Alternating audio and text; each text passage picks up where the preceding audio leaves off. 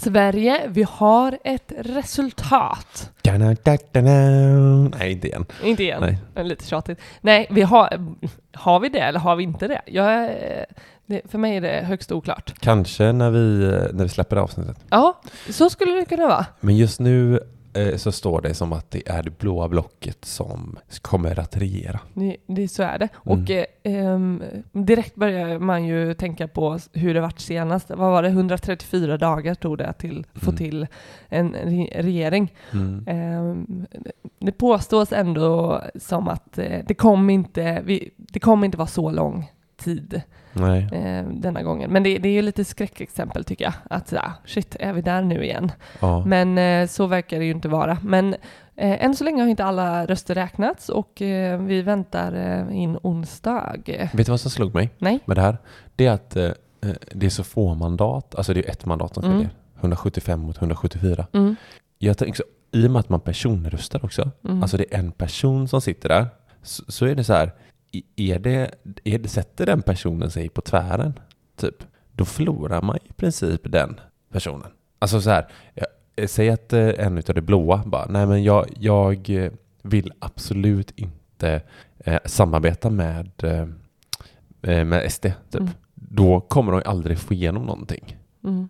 Och alltså det, det, efter när det skiljer så eh, lite, alltså som är ett mandat. Mm. Det är så svårt när de ska få rösta igenom saker och ting. Mm. Eh, tänker jag. Att, ja, eftersom det är en person också som säger den. eh, Den kan ju bara liksom så här halvt balla ur. Liksom. Var det inte något liknande som hände med eh, Vänsterpartiet? Jag är faktiskt inte med dig alls vad du snackar Ja, om. men du, du kan ju inte det här med politik. Ja, det var ju en i. Vänsterpartiet. Ja, men så här, det är ju så här, har du ett mandat i riksdagen Mm. Och säger att du hoppar av partiet, du har fortfarande kvar ditt mandat utan att du är medlem i ett parti. Ja, du kan verkligen mycket om politik. Tack. Jag kanske har asfel nu. Men det är så jag har fattat i alla fall. Du, på tal om något helt annat än politik så vill jag eh, berätta om vårt fantastiska samarbete med Fondo. Det är fantastiskt för att där, hos Fondo kan man handla fonder svinbilligt. Mm. Och då, man kan verkligen säga svinbilligt i och med att de är billigast i Sverige. Mm. De har liksom ing, de har ingen plattformsavgift. Mm. De ger tillbaka hela den här provisionen som man får av fondbolagen Mm. till oss som Mm. sparar. Vilket gör att de kan hålla nere sina avgifter. Mm. Och då blir jag så här direkt att det är klart att, det är klart att man ska ha sina fonder där. Mm. Det, det är så konstigt att inte ha det. Så här, jag, när jag väljer något dyrare, Mm. ja men varför väljer du något dyrare? Eh, ja men det kanske, okej, jag fattar om det är så här, om man typ jämför typ gränssnitt och sånt, om man, om man gillar typ så här, men det, här ser, det här känns mer nice. Mm. Men jag tycker verkligen att man ska testa Fondo Mm. för att deras gränssnitt är riktigt schysst också. Ja, och jag tänker eh, många som sparar, inklusive vi själva som sparar väldigt långsiktigt. Framförallt har vi ju vårt barnspare eh, i en fondportfölj Mm. och över tid, över lång tid, så blir ju den här eh, förvaltningsavgiften väldigt viktig eh, att inte betala för mycket för. För det, i, i längden så blir det ju eh, stora summor. Ja. Så de vill vi ju behålla och eh, hellre kunna investera istället för att lägga på en avgift som vi aldrig sen får se. Ja, ja, men verkligen. Och förvaltningsavgiften är ju bara en av avgifterna. Mm. Det är ju alla, alla fondavgifter som ja, är. Så att, eh, jag, jag tycker att man faktiskt kan räkna lite själv på vad de avgifterna skulle kunna innebära. Mm. Alltså när det är så, så att man sparar över 20 år, det är ju inte jättefå som sparar över 20 års tid i fonder liksom. Nej. Nej, och då tycker jag verkligen man ska kunna så här, kolla på olika avgifter på olika plattformar Mm. och jämföra och se vad det faktiskt blir i slutändan i pengar. Mm. Eh, det är ju gans- ganska skönt att kunna ha tiotusentals Mm. kronor extra Mm. för att man har valt eh, en avgift. Och vi som alltid pratar om så aktiva utgifter. Mm. Så här, ja, men är, det, är det bättre då om att säga att man gillar typ ett, en bättre layout, om man tycker att en annan plattform har en bättre Mm. layout, eller Mm. så här, är det värt de pengarna för att så här, eh, nej men eh, jag, jag tycker Fondo är, eh, det är kul att de har kommit in på marknaden. Mm. Ja, men eh, att lägga, om man nu har fonder på någon annan, i något annat ställe, att, att ta sig tiden att, eh, att göra ett lite mer aktivt arbete för att flytta eh, sina fonder för att på sikt verkligen spara in eh, kronor. Det, det är värt det, det jobbet, tycker vi, som har, eh, som har gjort det. Och vi flyttar över hela vårt barnsparande till Fondo. Mm. Testa, gå in på fondo.se, hämta ner appen och eh, testa deras plattform. En liten brasklapp bara. Att man ska, man ska komma ihåg att handla på börsen, det finns alltid en risk att man alltid ska göra sin egen analys innan Mm. man köper någonting. Absolut. Vi har också ett samarbete med Stockholm som är den här spännande investeringsalgoritmen som slår börsen över tid. Man kan ju se på deras hemsida att index ligger, alltså OMXSGI ligger på 7,99 alltså i C- i CAG, alltså genomsnittet per år Mm. eh, jämfört med deras algoritm då som ligger på 27,39 och det är från juli 2007 till augusti 2022. Eh, och det får man ju ändå säga är så här, det, det är ändå bra liksom. Vi har ju aldrig eh, använt oss av någon sådan algoritm tidigare för att slå eh, index. Och de har verkligen övertygat mig med eh, deras historiska avkastning. Mm. Ja, men det gör ju att det är spännande. Och Mm. det som jag tycker är intressant, de tar, eh, har man under 20 000 på i kapital så tar de 1299 per år eller 129 i månaden. Eh, men, det som jag tycker är fantastiskt med det här, Mm. anledningen till att vi provar det, eller en av anledningarna, det är att vi faktiskt får tillbaka pengarna, alltså medlemskostnaden, om vi inte skulle slå index. Mm. Det är ganska kaxigt av dem. Mm. Att så här, ja, men vi säger att vi slår börsen, slår ni inte börsen så får ni tillbaka pengarna Mm. det första året om man, man, Mm. man testar. Mm. Eh, och vill man testa så kan man använda en rabattkod som de är till oss, Mm. som är eh, Simon Martin 30, alltså SM30. Då får man inte bara två månader eh, kostnadsfritt, utan också på de nästkommande tre månader efter de två månaderna Mhm. så får man 30% på de tre Mm. månaderna. Mm. Shit vad mycket siffror det blev. Ja, Två, tre och tre. Två, tre, tre, tre. Man får, man får 30% på tre månader. Mm. Så. Eh, så jag tycker man ska surfa in på stocksholm.com och testa deras tjänst och få tillbaka pengarna om man inte slår index. Mm. Och även här kommer ihåg att det finns en risk att gå in på börsen, så se till att analysera det du köper.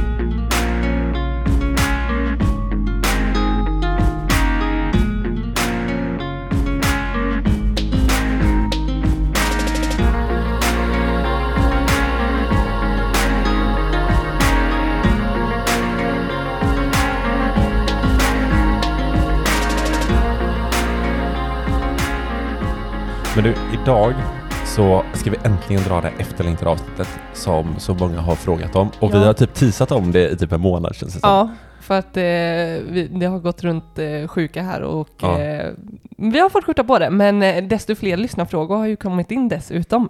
Mm. Vi, han står här, vår gäst, utanför dörren och eh, knackar. Eh, han vill verkligen komma in. Det är tur att vi har låst. Men vi ska, vi ska öppna upp här så, så drar vi en liten, liten jingel. Och så, och så, kort. eller jättekort. Jättekort. Och, så, och så får vi hälsa honom välkommen.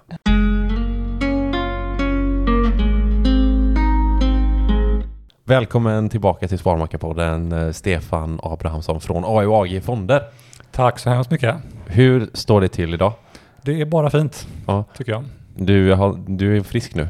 Nu är jag frisk Ja. efter en stunds förkylning. Ingen feber och grejer?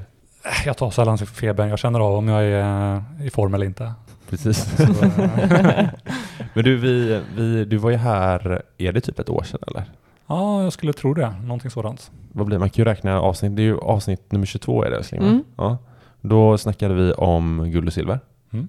Eh, och vi kommer ta lite recap på det sen också. Men vi- lite fokus på inflation idag. Som eh, vi själva tycker är, eh, eller jag, jag, jag kan ingenting. Nej men jag skulle säga det här, det är nödvändigt att vi snackar vet du vad det enda jag inflammation. vill- infla- Inflammation.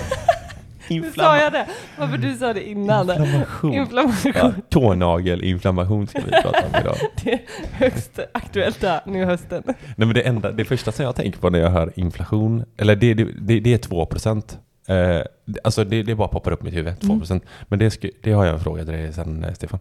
Eh, kan du, nej vi tar det sen, jag blir sugen direkt här. Men, och sen, eh, eh, eller vad, vad är det första du kommer tänka på? Inflation? Eh, vad, vad, vad menar du med Är det tånaglar? procent? Ja, du vet inte vad jag menar med 2 procent? Nej men nej, nej. Alltså en årlig inflation i, infla, i. Eller nej, typ så här när man pratar löner. Att man alltid ska tänka 2% Ja, ja, ja. man minst i löneökning. Mm. Men skitsamma. Vi ska börja med eh, det här. Vi kör alltid ett gäng frågor i början av avsnittet. Så vi gör det med Stefan också Ja. den här gången. Och jag undrar hur paddelarmen mår. Paddelarmen mår eh, sannolikt ganska bra. Jag har inte spelat paddel här nu på i alla fall ett halvår så att den har fått vila sig ordentligt. Är det så? Du var ju också, du var lite nördad ner va? Kändes som. ja, ett tag var det så men eh, nu har jag inte spelat det på länge faktiskt. Vad, är, det, är det hypen? Som du... Det var nog hypen som dog Det helt var och hållet. Ja, det tror jag. Men du är lite sugen nu eller? På att lira? Jag spelade tennis i helgen faktiskt. Jaha, det känns, det känns lite som ett svek mot, mot padden. Ja, ja, skitsamma. Du, eh, konståkning eller kosthållning? Eh, för min del så blir det kosthållning, men Mm. jag tycker att konståkning är en fantastiskt vacker sport att titta på. Alltså, det var en kompis i helgen, eller förra helgen, som visade mig eh, konståkning. Har du sett det med konst när de har skidor? Alltså de åker ner, ja, alltså jag, åh, jag skulle haft namnet vad det heter. Man kan googla på typ eh, skidor, konståkning. Så åker de ner för en backe och så, gör, så kör de konståkning. Mhm, Var det också med vackert? långa skidor. Det ser helt sjukt ut alltså. Med stavar, du vet, så ställer sig på stavarna i backen och grejer. Mm. Jättekonstigt. Ja, det är spännande. Ja. Du, vad betyder pengar för dig, Stefan? Um, pengar för mig betyder framförallt uh, möjligheter. Mm. Eh, möjligheter att uppfylla drömmar, eh, möjligheter att uppfylla mål. Eh, möjligheter helt enkelt Mm. är pengar Mm. för mig. Mm. Eh, och att hushålla egentligen med dem och se till att de hamnar på rätt ställen. Mm. Eh, så att du kan bygga det livet som du drömmer om och vill, vill ha helt enkelt. Mm. Vilket bra svar. Ja, jäkla bra Ja, svar. det var alltså. så här- Jag blev inspirerad. Ja men verkligen, för vi själva snackar ju mycket ofta om pengar, vad det, Mm. vad det är liksom. Mm. Och jag vet att vi har pratat om, på Instagram så här, säger vi att det är, inte, det är inte pengarna i sig som vi vill åt liksom. Mm. Utan det är, vi, vi siktar på ekonomisk frihet, så det är det som är liksom målet. Och så är pengarna ett slags verktyg. Mm. Men det är jättemånga som reagerar på det. Så bara, jo fast då är det ju pengarna ni vill ha. Och vi är så här, nej, alltså det tar ju oss till liksom, Mm. vårt mål. Mm. Som ett verktyg. Mm. Ja men, Men- verkligen, det möjliggör. Jag håller Ja, det är så himla sant. möjliggörande. Eh, vad tog eh, egentligen kryptohypen vägen? Kryptohypen som vi pratade om eh, byggde ju eh, framförallt mycket på att det var ett överflöd av eh, likviditet ute i marknaden.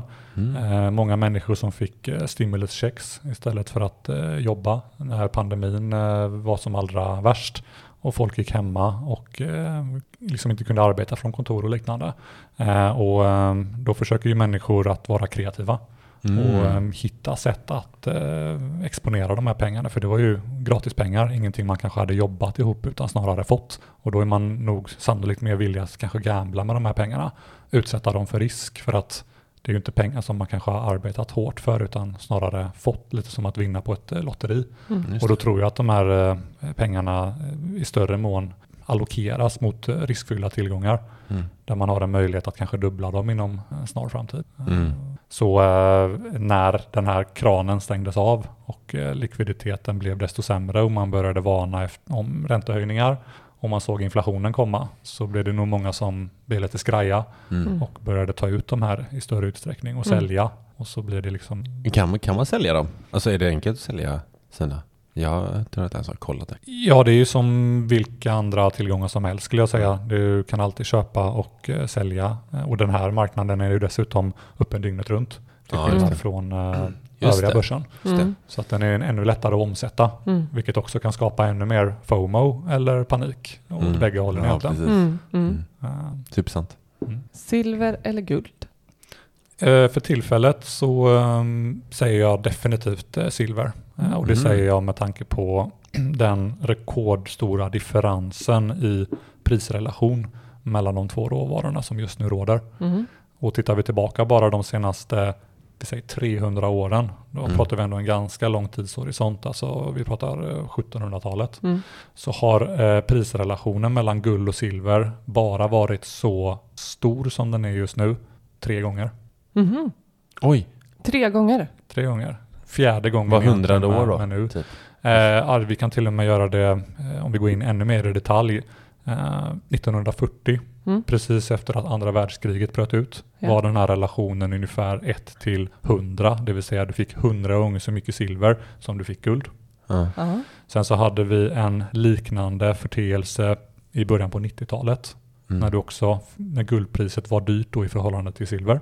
Mm. Och sen så hade vi det vid covid-kraschen här i Mm. början på Mm. 2020. då prisrelationen var någonstans 127 till 1. Det vill säga du fick 127 gånger mer silver Mm. än guld. Har det, har det varit tvärtom någon gång? Eh, det har aldrig varit tvärtom att silver egentligen Nej. har varit dyrare än guld. Nej. Utan, eh, man pr- pratar ofta om en naturlig förekomst i jordskorpan om 1 till 16. Ja, okej. Och det var också det, Det som någonting. Isaac Newton formulerade för flera hundra år sedan. Stämmer den? Den stämmer. Och, och, nu, och då, är, någon gång så var det 1 till 100 då? Alltså i, eller i, eller vad menar du med 1 16? 1 till 16 menar jag att när gruvbolagen då letar efter guld och silver Mm. så uppskattar man att det finns ungefär 16 gånger så mycket Ja, silver det. som Precis. det finns guld då Mm. i jordskorpan. Eh, det intressanta är att gruvbolagen då som utvinner de här typen av råvaror, Mm. eh, vi utvinner ungefär bara åtta gånger, nio gånger mer silver varje år än vad vi utvinner guld. Så Mm. vi utvinner till och med mindre Mm. än vad som existerar i Mm. jordskorpan. Mm. Och det har helt att göra med prisbilden för guld och silver. Där gruvbolagen tjänar betydligt mycket mer på att utvinna guld än att utvinna silver. Mm. Och just nu är den här prisrelationen ungefär 1 till 90. Så du får 90 gånger mer silver än vad du får guld. Mm. Och det är historiskt väldigt, väldigt högt. Återigen, det här är Mm. fjärde gången på 300 år Mm. som vi har den här stora skillnaden egentligen mellan Mm. Guld och alltså, silverpriset. Historiskt då, har det liksom eh, varit en, eh, en kurs, eh, vad säger man? Att det blir bättre kurs för silvret? Alltså, eller har gått upp i värde efter den här dippen då? Ja, det som behöver hända för att den här relationen ska gå ner till lägre nivåer. Man har en snitt runt kanske 1 till 50, 1 till 60 och när den Mm. är som allra lägst så är den nere på kanske 1 till 20, 1 till 30. Oj, ja. Och eh, för att det ska ske så måste ju silverpriset eh, gå upp med 200% eller så behöver ju guldpriset backa med 70%. Ja, just det. Just det. Men ofta kanske det är en kombination av att guld står stilla eller försvagas Mm. samtidigt som silver då stärks väldigt mycket. Så att Mm. bara baserat på historik och var vi just nu handlas, hur mycket du får, alltså Mm. värde, eh, så tycker jag att silver är eh, rekordbilligt prissatt i förhållande till guld Men- som jag fortfarande ja. tror väldigt mycket på. Mm. Men kan det vara så då att, så här, att det är dåligt att ha sina pengar i guld nu då? För att det snarare kommer gå ner? Eller är det silvret som liksom borde gå upp? Förstår du vad jag menar? förstår helt hur du menar och eh, min och vår uppfattning på eh, A och AG-fonder Ja. är snarare att eh, det är silverpriset som ska eh, rejält upp. Ja. Mm. Och eh, tittar man på vilka det är som äger eh, guld Ja. så sitter ju alla världens centralbanker i princip på guld i sina valutareserver. Mm. Och de har ju ett intresse av att deras valutareserver snarare ska öka i värde än Mm. minska Ja, i värde. Ja. Och de fortsätter att nettoköpa guld eh, Mhm. år efter år. Har gjort egentligen ända sedan finanskrisen här 2008-2009. Mhm. Jag såg siffror för bara några månader sedan att de sitter på de största lagren av fysiskt guld som de gjort sedan början på 90-talet. Mm. Så vi pratar liksom nya 30 års högsta i mängden guld som världens centralbanker har. Så att man är ändå trygg i att centralbankerna som till mångt och mycket styr dagens ekonomi Mm. sitter i samma båt som en själv om man äger guld. Ja, just det. Mm. Och därför så har vi svårt att se att guldpriset ska ner kraftigt. Mm. Ehm, Snarare kommer det eh, behålla sitt värde, men vi tror att, att silver då är eh, någonting som kan ge ytterligare avkastningspotential. Då. Mm. Just det. Mm. Eh, ja, vi fastnade lite på den. Mm. Eh, Är du också minus 20 på börsen hittills i år? Eh, För tillfället så skulle jag ändå säga att jag ligger något bättre till. Mm. Eh, framförallt så var det betydligt mycket bättre i början på året när eh, en av våra fonder som jag har ett stort innehav i, Mm. AUAG Silver Bullet, Mm. var upp 25 procent Mm. när börsen som helhet var ner 15-20. Mm. Och i och med att jag har en stor andel av mina pengar i våra fonder Mm. så blev det ju en rekorddifferens i Mm. avkastning. Mm.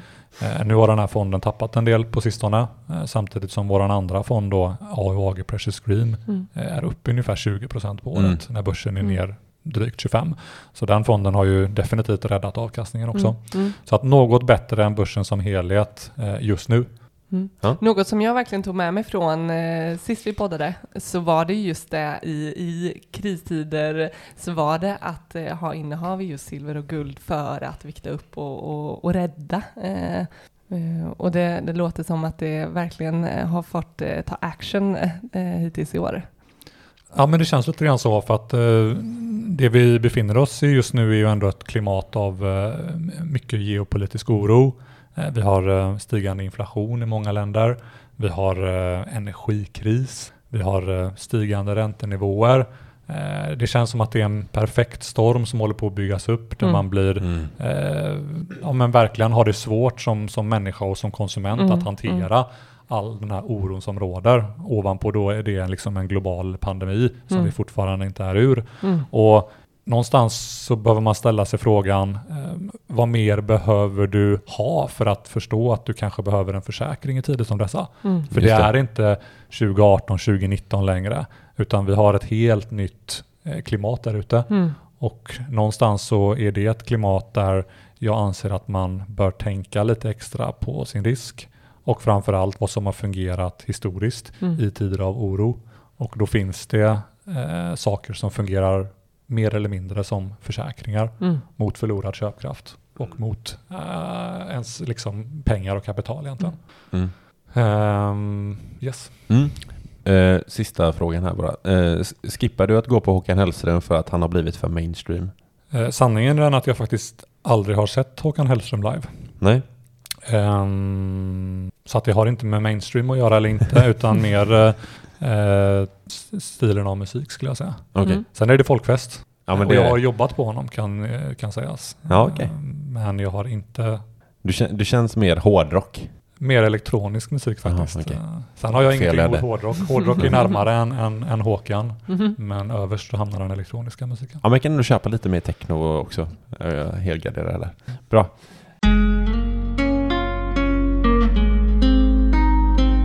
Jag tänker att vi recapar lite från förra avsnittet. Eh, och pratar lite, för vi har varit inne lite på silver och guld. Ska vi börja med så här, vad, vad är guld och silver? Alltså, många tänker ju säkert på så här, halsband, ringar och liknande. Att det är att, så här, ka- eller som jag, jag Mm, tänker så här, mm. ka, Du ka, tänker karat smycken. liksom. Ja. Mm. Eh, men vad är liksom, vad är, vad är guld? Och vad är Eh, silver? Ja, men guld och silver tillhör ju eh, ädelmetaller Mm. och de återfinns ju i det periodiska systemet tillsammans med många andra metaller. Mm. Men just eh, guld och silver har ju historiskt varit eh, ja, ädelmetaller då som används både i industrin Ja. men som också används av eh, investerare för att eh, egentligen förflytta ett värde framåt i tiden. Eh, Du bevarar din köpkraft genom Mm. att äga guld och silver eftersom att det historiskt under tusentals års tid varit eh, någonting som man har utsmyckat sig med Mm. och någonting som man har haft i tackform eller i myntform.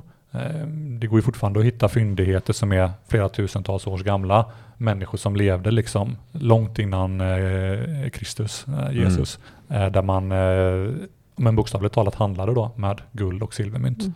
Mm. Eh, Vi- vi- Så det här är ja. någonting som inte är, det är inget nytt påfund, Nej. utan det här är någonting som överlevt eh, liksom tidens tand och eh, som återigen, när du gräver upp det 2000 år senare, så ser det likadant ut i princip som när du en gång myntade det. Mm. Och det är det inte mycket, eh, mycket grejer som, som gör, just det. Mm. eh, som har den förmågan att, att behålla färg och form och vikt och så vidare. Är det så även kring andra ädelmetaller? Att det är just guld och silver som kan bevaras på det sättet så bra? Ja, Guld är ju där ki- king of metals. Det är ju Mm. det som är, eh, vad ska man säga, mest eh, beständigt mot yttre påverkan. Mm. Eh, I princip oförstörbart. Mm. Och silver tillhör också eh, metaller då som håller sig väldigt bra. Mm. Vet man typ när man grävde fram det första? I första guldet liksom? Ja, men man brukar ju ha som eh, vad ska man säga, tidsepok eller, eller eh, historisk tidslinje att människor kom i kontakt med det vad man vet för första gången runt 5000 år sedan. Oj, Och det är därför man ofta pratar om att guld och silver har varit pengar i någonstans mellan 5 och 6 tusen års tid. Alltså det, det är så jävla konstigt tycker jag. För att då är, jag tänker så här, när de första gräver fram det här, då är det ju inte värt någonting. Alltså det är ju egentligen bara guld. Om du fattar vad jag menar. Det är ingen Mm. som har handlat med det. Det finns ju inget värde. Likväl som att hitta en sten. Ja, exakt. Det kan ju vara som att hitta ett löv liksom. Så kommer någon med det så här, ja jag vill, eh, jag vill köpa den här bilen. Nu har de inga bilar på den tiden. Men typ, och så säger den bara, ja men här, du får den, du får den här. Mm. Du får en guldtacka. Mm. Och han bara, vad, vad fan är det här? Varför ska jag ta emot den? Liksom. Mm. Så bara, jo men den här kommer vara värd mycket. Alltså, Mm. Fattar du vad jag menar? Jag tycker När det här är så jävla intressant. överens om ja, så bara, att, men jag har samlat på mig asmycket guld här liksom. som jag bara, i sin ja, tur kan använda? Mm. Ja, det måste vara så här samlarobjekt från början eller någonting. Mm. Eller? Ja, men jag, jag tänker var det ändå inte eh, tjänster, så här, eh, tjänster och gentjänster det började med och sen så övergick det ändå till, alltså men jag behöver ingenting från dig, ja men då får du den här eh, guldtackan istället. Men det kanske var att man tillverkade saker då? Vad menar du? Ja men så här att, ja men säg att jag, jag gör en, en eh, kopp här med kaffe i, typ, Mm. och den ska vara av guld. Mm. Och i och med att det går knappt att förstöra den, alltså Mm. att det är något Ah. material liksom, Mm. som jag, jag vet inte. Jag vet inte ens om du har svar på det. Nej, men framförallt handlar det om, om sällsynthet. Mm. Att eh, när du ja, ja. letar efter det så eh, hittar du det inte. Mm. Mm. Eh, det tar eh, en väldigt stor eh, kraft och energi och, och kunskap liksom att, att hitta guld. Mm. Och det blir svårare och svårare för varje år kan sägas. Mm. Eh, I början när man eh, letade efter guld så kunde du hitta liksom gold nugget som låg ovanpå, eh, ovanpå jorden. Mm. Lite som att du gick runt och letade stenar och så hittade du liksom en, en guldsten. Ja, just det. Så var det ju liksom i början.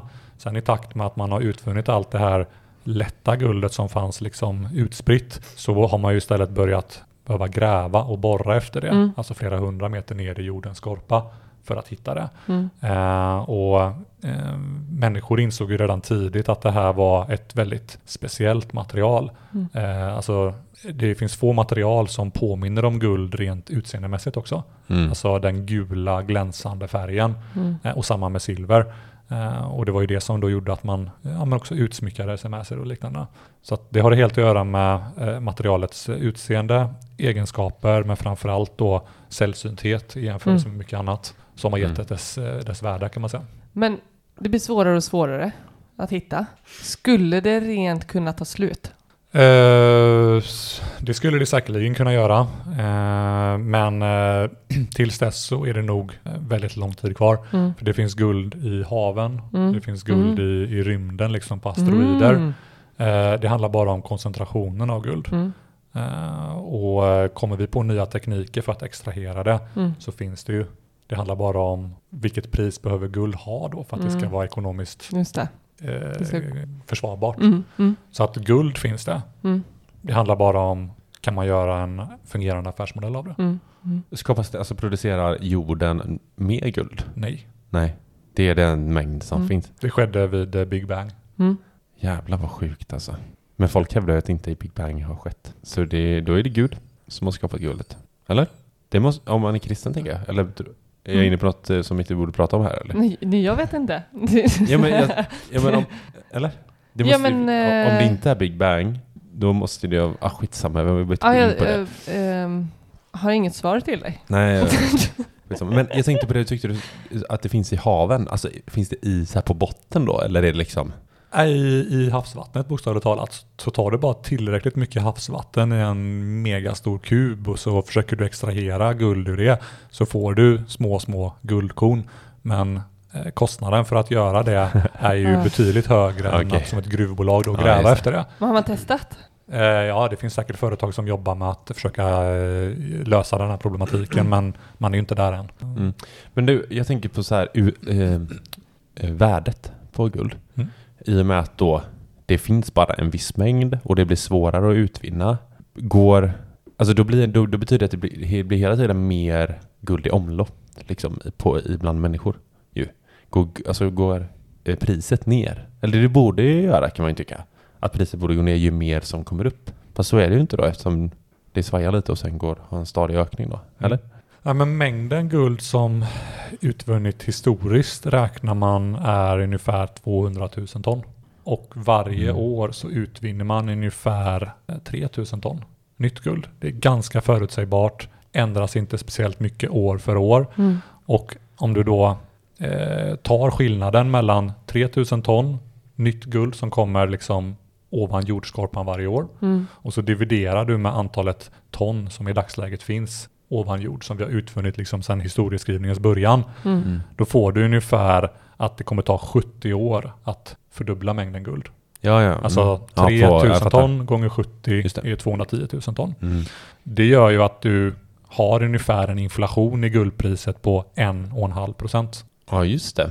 Och det är det som man då kallar eh, stock to flow-modellen, Mm. det vill säga hur många år kommer det ta att dubbla mängden guld så att vi har dubbelt så mycket guld än vad vi har idag. Mm. Eh, på grund av det så har ju guld en väldigt stark förmåga att behålla sin, sitt pris och sin kostnad Mm. eftersom Mm. att eh, mängden då som vi utvinner inte är speciellt stor. Eh, och antalet människor på jorden blir också fler Mm. Mm. varje år. Mm. Eh, det är till och med så att antalet människor på jorden växer med någonstans 2% per år. Mm. Så mängden guld växer i princip i samma takt som antalet människor. Mm. Just det. Och skulle varje människa vilja ha en lika stor mängd guld i dagsläget Mm. så skulle man få ungefär ett guldmynt som väger 30 gram, Mm. 31 gram. Det är så mycket guld varje människa skulle kunna äga Mm. om vi skulle dela ut det jämnt. Hur mycket är det värt? Eh, I svenska kronor i dagsläget strax över 18 000 kronor. Mm. Så det är vad varje människa skulle kunna få om Mm. vi fördelade I allt guld Mm. jämnt över hela världen. Ja. Mm. Men, men du, om man vill köpa guld eller silver, hur, hur gör man då? Ja, guld och silver kan ju investeras i på olika sätt, lite Mm. beroende på vem du är som investerare Mm. och hur snabbt du vill kunna avyttra det. Du kan ju köpa fysiskt guld och silver. Det är ju den ultimata, vad ska man säga, eh, krigsförsäkringen eller den ultimata varianten av det när du äger den fysiska råvaran Mm. Som du kan eh, ge vidare liksom i generationer. Ehm, du kan köpa fysiskt uppbackat guld i form av ETCer, eh, sådant som vi äger i vår ena fond AUAG Precious Green. Vad sa du? Uh, ETCer kallas det. Jag säga uppbackat. Fysiskt uppbackat. Vad är, vad är det? Eller upp? Ja, du, du, alltså du köper en, en digital produkt, till exempel i ett ISK, Ja. via Avanza eller Nordnet eller Saver eller vad du Ja. nu köper. Och genom det här så får du en fysisk exponering mot guldpriset. Mm. ett till ett. Så att om guldpriset stiger 1% Mm. så får du också 1% på de investerade pengarna. Ja, okej. Mm. Ja, ja, ja. Eh, Och du har en fysisk uppbackning av det. Mm. Ja, aha, okej. Så du någonstans har du Det liksom finns ett, eh, ett... valv liksom Mm. Ja. där de eh, tar ut motsvarande mängd guld. Det låter som ett varje dag. jättebra sätt att att investera i. Alltså i fysisk guld, även om man gör det via då, någon av de här plattformarna. Eh, och det kallades ETC sa du? Yes. Framförallt är det väldigt eh, billigt i kostnad för att eh, i det så har du ju liksom förvaring och liknande. Mm. Finns, är det avgifter på sådana ETCer? Eh, ja men det är det. Eh, och de här avgifterna skiljer ju sig lite grann från eh, vilka produkter då som man väljer att investera i. Mm. Men det ingår ju då i den förvaltningsavgiften som vi har för Mm. fonden AUAG Precious Green. Mm. Mm. Så köper du våran fond så har du ju 1,4 procent i årlig avgift. Ja. Och i det så är det inbakat då hela den här kostnaden för, för guld och liknande. Mm. Just det. Mm. Men jag tänker om man vill köpa typ ETCer separat. Ja. Är det, då är det också en avgift då. Vet du vad, det, vad ligger de på ungefär? Eh, där har du ofta en avgift på kanske 0,6-0,8 procent. Okej. Och sen så har du ofta en spread då, alltså skillnad mellan köp och säljkurs. Ja. Eh, och så har du kanske en valutaväxlingsavgift Mm. ovanpå det.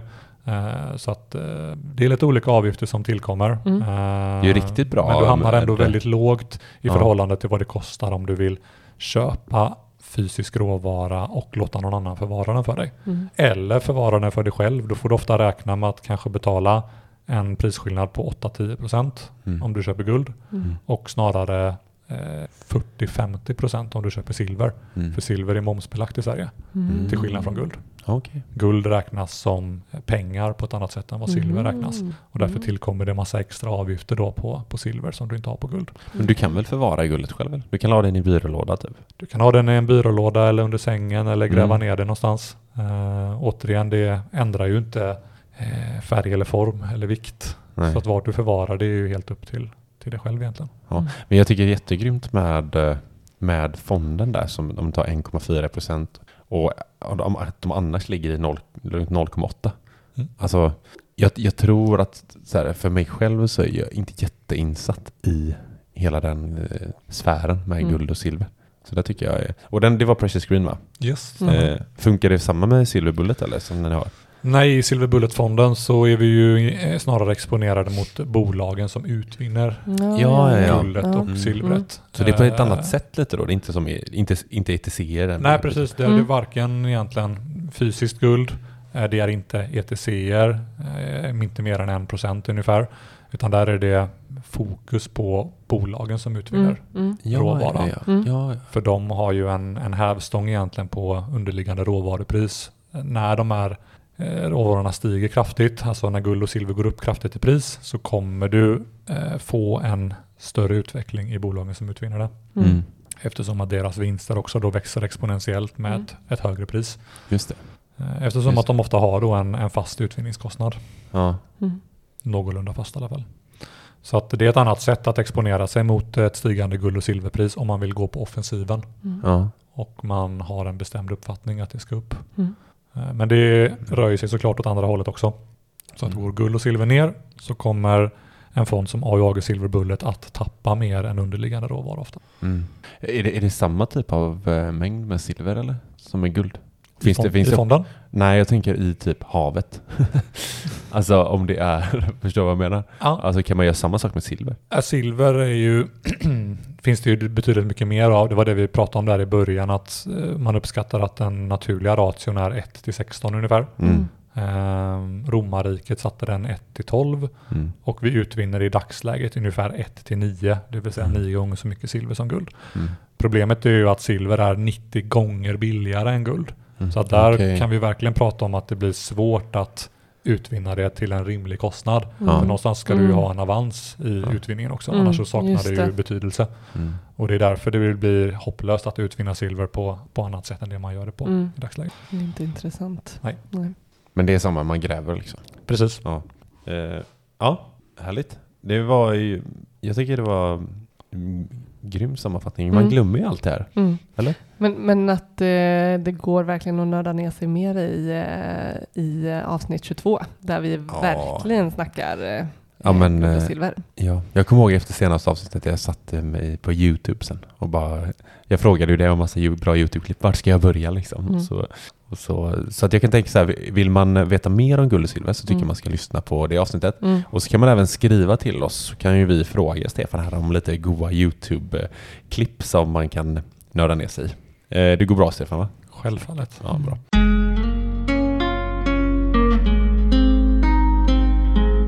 Eh, vi ska ju snacka om inflation, eh, vilket är... Alltså det här ska bli så jävla spännande för, för att jag är så jävla dålig på det. Ja, jag, jag är frukt... Om du tycker att du är dålig så eh, ligger jag strax där under. Fast, ja, fast man har, det känns ändå som att man har fått lite mer kött på benen i och med att det är, vi är en in- inflation som, som stiger. Och jag tror att det är många ute som, som inte... Jag tror det här kommer vara intressant för många för att man inte vet. Man hör bara massa procent typ, Mm. i media. Bara, Åh, nu Mm. har det gått upp i 8% inflation här. Mm. Och så sitter man och bara, okej, påverkar det mig på något sätt? Mm, Liksom. Och mm. så, så jag tror det kan bli bra. Ska vi börja där Stefan, någonting, eh, eh, vad fan eh, inflation är för något och eh, hur den uppstår? Den, den bestämd form. Ja, nej, men det kan vi göra. Ja. Ja. Och eh, först och främst så eh, måste vi reda ut begreppet inflation och, och egentligen vad det är. Ja. Mm. För att eh, det finns enligt mitt sätt att se det eh, två olika slags inflationer. Mhm. Eh, det finns den inflationen som eh, rapporteras av staten, Mm. det vill säga det som vi kallar för KPI. Mm. Inflationen är eh, 8,5 procent etc. Man Okej. läser det i tidningar, man hör det på nyheterna och så vidare. Mm. Men det finns också en inflation som jag som medborgare själv upplever. Och det här måttet KPI, då inflationen som redovisas, eh, det är egentligen bara korrekt och rättvist om du vill ha den exakta korgen varor och tjänster som staten säger att du ska ha. Mm. Mhm. Det är bara då som du får den här 8,5 procent. Mm. Men Aha, jag påstår okej. att inflationen är unik för varje medborgare. Mm. Mm. Inflationen skiljer sig om du är rik, medel eller om du är fattig. Mm. Eh, och baserat på om du åker buss till jobbet eller om du tar bilen till Mm, jobbet. mm. Ja, Om du har en elbil eller en dieselbil eller Mm. bensindriven bil så har du olika kostnader för det. Mm. Mm. Framförallt nu när elpriset är så hoppigt upp och ner. Mm. Ja. Och när dieseln kostar 24-25 kronor och bensinen kostar 18 Mm. blir också väldigt stora skillnader. Eh, Just det. du Men- kan vara vegetarian och äta vegetarisk kost Mm. Ja. eller du kan vara en köttätare Mm. eller kanske fiskätare. Mm. Eh, priserna för de här eh, matvarorna har ändrats väldigt mycket under året också. Mm. Där vissa Ja. har gynnats mer än andra. Mm.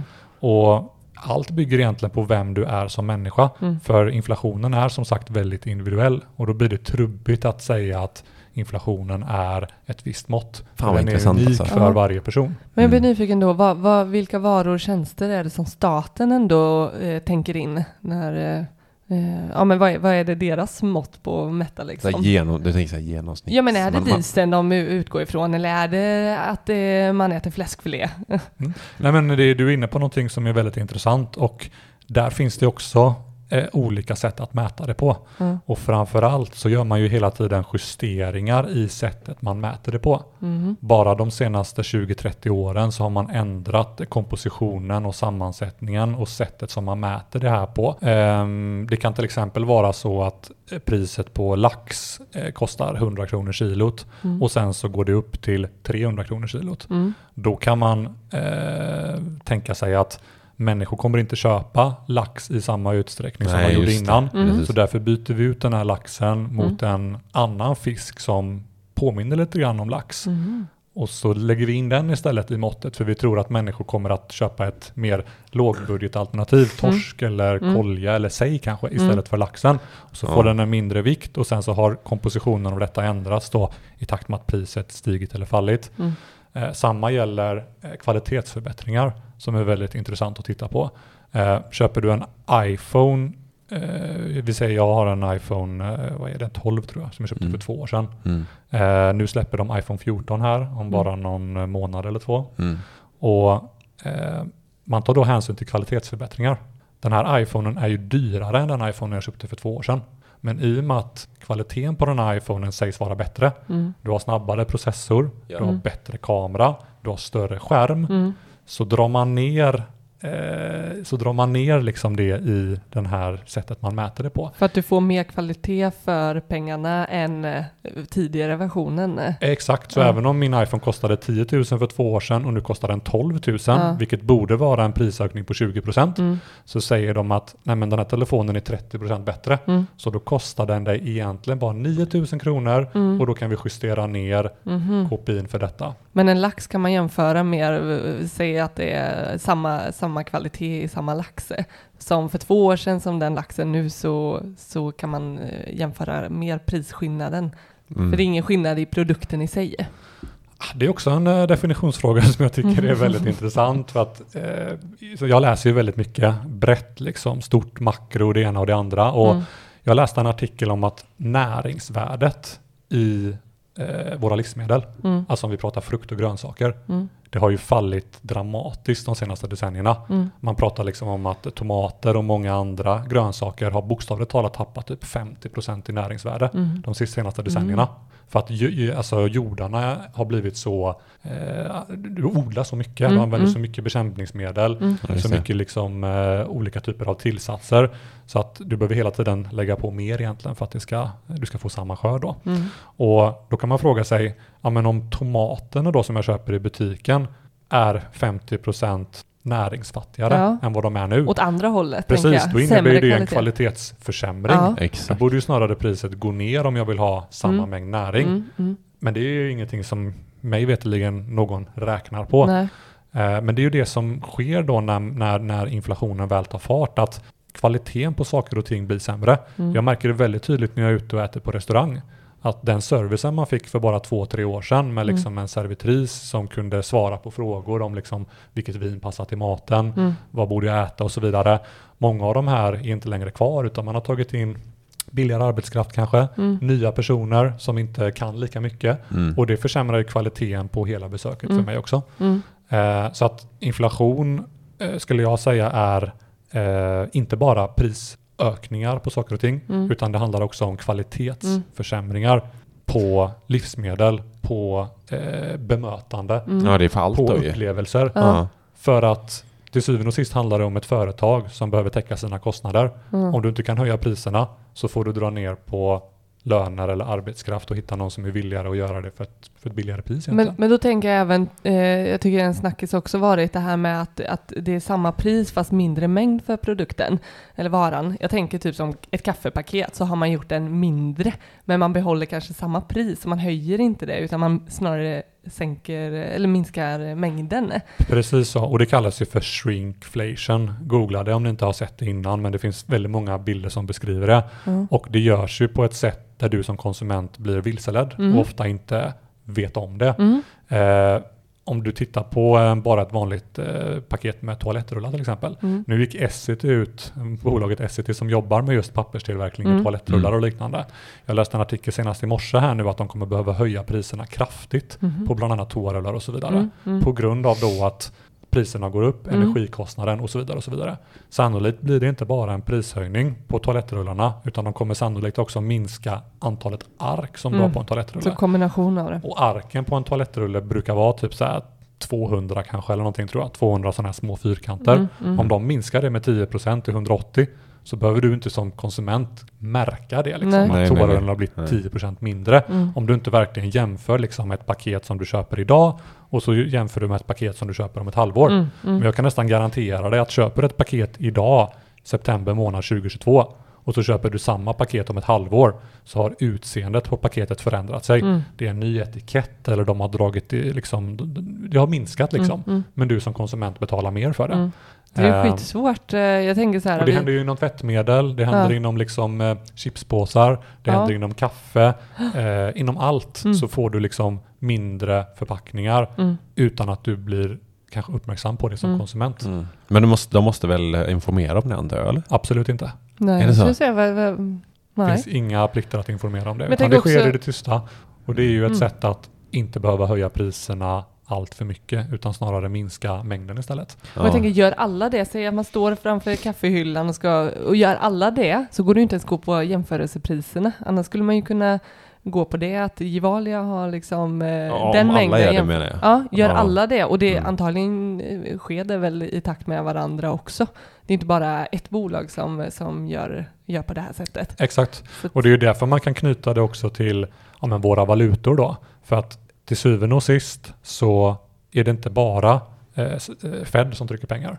Eller eh, ECB som trycker pengar. Eller Riksbanken eller Bank of Japan. Alla världens centralbanker trycker pengar samtidigt. Och det gör ju att alla fiatvalutor, oavsett om du handlar i SEK eller dollar eller euro eller liknande, faller tillsammans. Mm. Och om alltihopa faller tillsammans så kan du inte uppmärksamma det på samma sätt som Nej. om bara en av dem hade fallit. Mm. Så att Mm. om alla gör samma sak samtidigt Mm. så måste du vara väldigt uppmärksam för att ens märka av det. Mm. Och det är där som guld och silver ofta kommer in i bilden. För guld och silver, återigen, guld ökar bara i en takt av typ 1,5% per år. Och om då mängden pengar ökar med 8-10% per år så kan du se den här eh, differensen däremellan väldigt mycket tydligare. Mm. Eftersom att du mäter mot någonting som är relativt konstant då. Mm. Just det. Ehm, för att göra en koppling liksom till Mm. just guld och silver. Mm. Och varför det då har en tendens att behålla sitt värde betydligt mycket bättre än fiatvalutor under Mm. tider av hög inflation. Mm. Så det är något eh, stadigt att hålla sig eh, vid.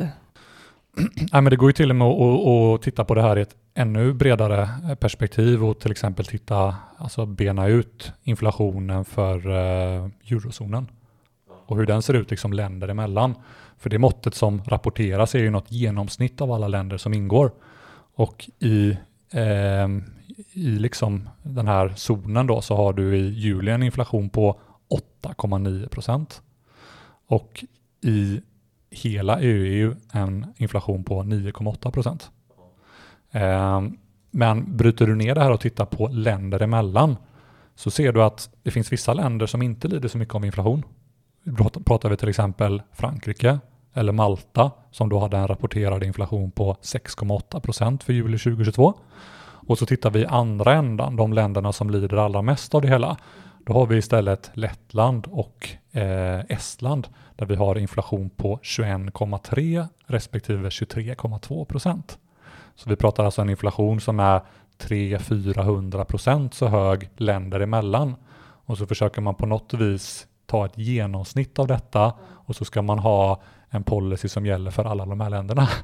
Och det kommer ju bara leda till att vissa länder gynnas av det och andra länder blir ordentligt liksom tilltryckta. Det är ju svårt om de ska hitta något sätt att, så att alla blir nöjda menar jag. Ja Alltså, men du- det har ju funkat historiskt när inflationen inte har varit speciellt hög. Mm. Men Ja, nu har det när varit inflationen jämnt då eller? verkligen tar fart Ja, så ser man ju hur den eh, varierar mellan olika länder. ja. Och då blir det ju väldigt svårt när många av de här länderna då handlar i euro. För man, man blir det ju liksom, det. alla dras över en och samma kam. Mm.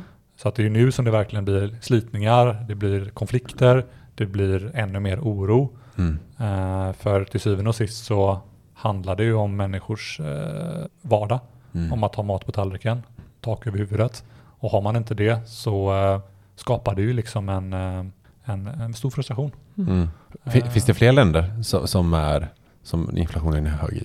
Eh, ja, nu kan vi kolla på andra länder. Eh, jag tycker ett land som är väldigt intressant är, eh, nu tillhör inte det här att de handlar i euro, men Turkiet är ju Mm. ett land som det pratas och snackas en hel del om.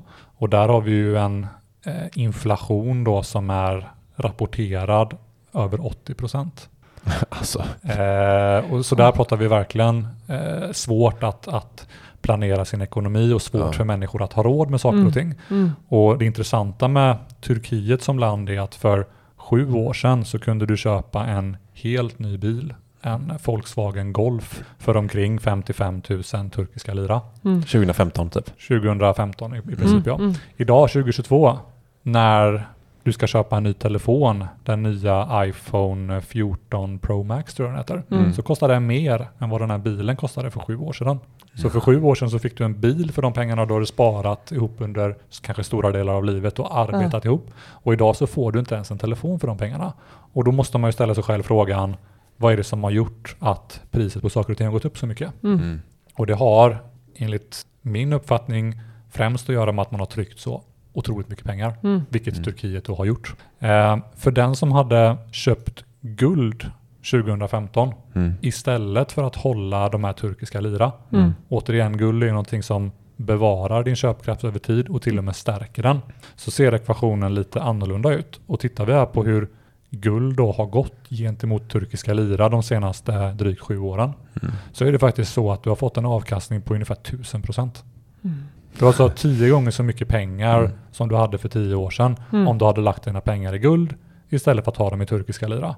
Så att Mm. för oss svenskar så är det kanske inte så, eh, det har inte varit nödvändigt att ha någonting annat än svenska kronor Mm. eftersom att vi har haft det bra, vi har haft en låg inflation, det har Mm. varit lätt att planera utgifter, de har inte varierat Mm. så mycket månad för månad.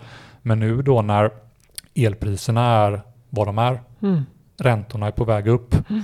Eh, inflationen har bitit sig fast och är till och med till mångt och mycket stigande, Mm. så kommer enligt min uppfattning det bli så att fler människor kommer börja se sig om hur man kan eh, försöka undvika den här typen av inflation Mm. och eh, faktiskt behålla sin köpkraft. För det är det det handlar om. Mm. Men då är det bättre, alltså nu när vi har hög inflation i Sverige då, eller hög i förhållande till vad vi haft, då är det ju, alltså då är det ju bättre att ha pengarna i guld egentligen.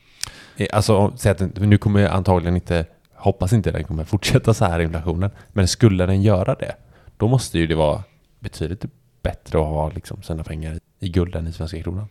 Ja, en del av dem i alla fall. Ja. Och kanske även i andra valutor.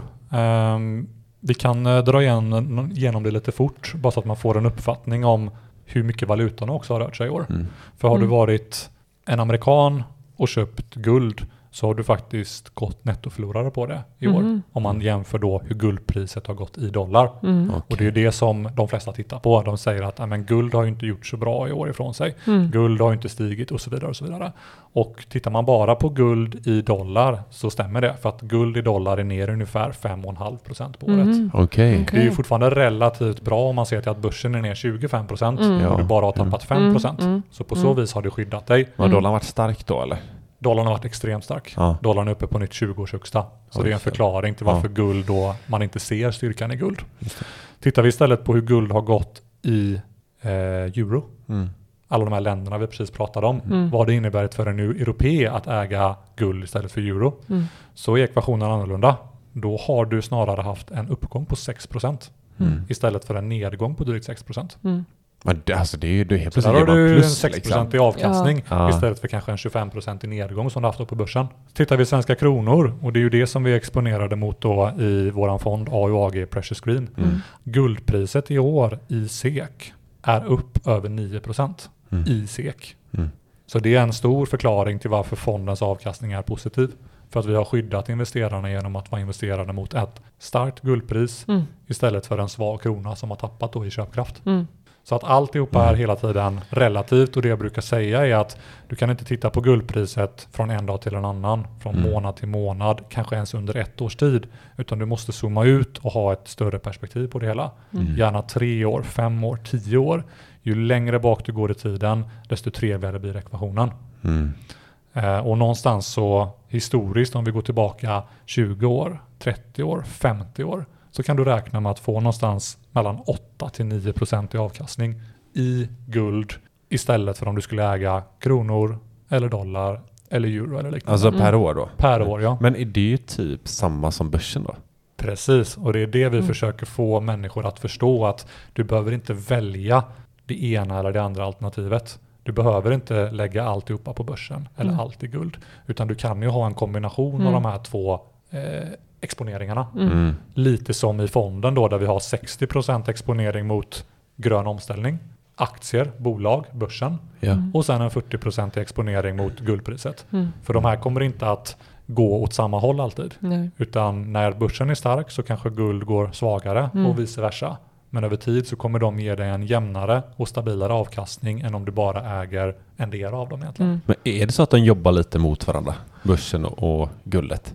Har jag Hade de hört jobbat- någonstans. Ja, hade de jobbat mot varandra så hade du haft en, en negativ korrelation på, på liksom minus ett och då hade ju avkastningarna nettat ut varandra. Mm. Om du hade haft en perfekt Mm. negativ Ja, ja, korrelation precis. då hade Mm. det blivit nollavkastning. Ja, börsen ger 10 och Ja. guld ger minus 10. Ja. Mm. Du vill hitta ett tillgångslag som har en så nära nollkorrelation som möjligt med börsen. Och där ligger Mm. guld kring noll. Så Mm. guld kan gå upp och ner när börsen går upp. Det, den är liksom Okej. perfekt. Mm. Den ligger perfekt runt Mm. nollan. Eh, och det gör att du, du över tid får en väldigt eh, trevlig eh, riskspridning om du involverar guld i din större portfölj egentligen och tar in det som ett tillgångslag. Mm. Det där var första delen av avsnittet med Stefan Essling. Mm. Men jag tror att det, det kan vara bra att eh, få smälta den här första, eh, första halvan. Mm. För det är, i mitt huvud så snurrar det väldigt mycket när Mm. jag ska ta in allt det här bra som jag får lära mig. Och kanske är det så för även våra lyssnare. Ja, han är väldigt pedagogisk måste man säga. Otroligt. Eh, har ni eh, några frågor kring det här avsnittet eller eh, något annat ämne så får ni gärna skriva till oss på sparmakarna.gmail.com eller på Instagram där vi heter Sparmakarna. Så släpper vi del två nästa vecka helt enkelt. Mm. Spännande. Ta hand om er tills dess. Ha det bra! Hej då!